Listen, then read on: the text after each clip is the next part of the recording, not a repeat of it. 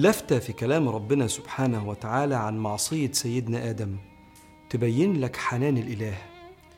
وتطمنك وانت بتتعامل مع ربنا سبحانه وتعالى. قصة سيدنا آدم بتحكي عن موقف متكرر كل لحظة في الدنيا. وهي معصية العباد للرب واسع العطاء. رب أعطى كل شيء وسخر كل شيء. قريب من العباد محب ليهم. ما حرمهمش من أي حاجة ولا حرم عليهم إلا أشياء قليلة. بتضرهم هو يعلمها حتى لو العبد لا يعلم ضر هذه الأشياء. ومع ذلك عصى العبد هذا الإله الكريم. لكن الطريقة اللي ربنا حكى بها القصة أشارت إلى فعل الله مع سيدنا آدم لما عصى. عشان إحنا كمان نعرف ربنا هيعمل معانا إيه لما نعصي. في آخر سورة طه ربنا بيحكي بيقول ولقد عهدنا إلى آدم من قبل فنسي ولم نجد له عزما. شوف ربنا بيحكي عن سيدنا آدم لما عصى ربنا بس عشان ما يخشش في قلبك ذرة سوء ظن بسيدنا آدم قال لك ده نسي. ما كانش قاصد ما كانش عنده عزم يعني نسب الغلطة ربنا سبحانه وتعالى لصفة سيدنا آدم البشرية الطبيعية نسيان. ونفى عنه الكيد والمكر وسابق الإصرار. وبعدين ربنا قال إيه؟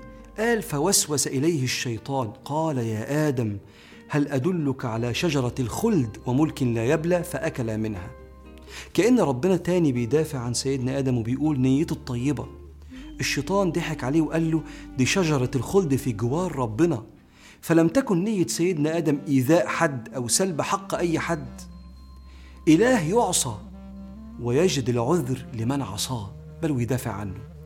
عشان كده سيدنا رسول الله يقول ليس أحد أحب إليه العذر من الله. بيحب يعذر الناس. لكن المفاجأة في حنان الإله كانت في ختمة الآية. ربك بيقول وعصى آدم ربه فغوى ثم اجتباه ربه فتاب عليه وهدى.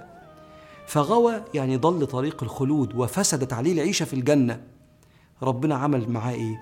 فعصى آدم ربه فغوى ثم انتقم منه الله وألقاه في الجحيم. لا قال لك وعصى آدم ربه فغوى ثم اجتباه يعني أنقذه.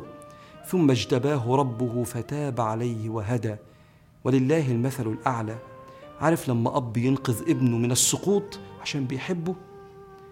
ربنا سبحانه وتعالى بيبشر كل إنسان. عصى فاجتباه فلا تيأس. ما تيأسش من حنان الإله أن تكون ممن يعصي الله وبعدين ربنا يجتبيه. ينقذه ويختاره من عباده المقربين. كل اللي هقوله لنفسي وهقوله لك توب وارجع له كل ما تغلط. واطلب منه ان يحميك من شهوتك وضعف نفسك. وقول له زي ما سيدنا آدم قال له بتواضع ربنا ظلمنا أنفسنا وإن لم تغفر لنا وترحمنا لنكونن من الخاسرين. هو ده ربك. يعصيه العبد والرب يدافع عنه ويجد له العذر. الله حنان. فاللهم أنقذنا من شهواتنا ولا تسلمنا يا رب إلى شياطيننا واحفظنا يا مولانا إلى يوم أن نلقاك.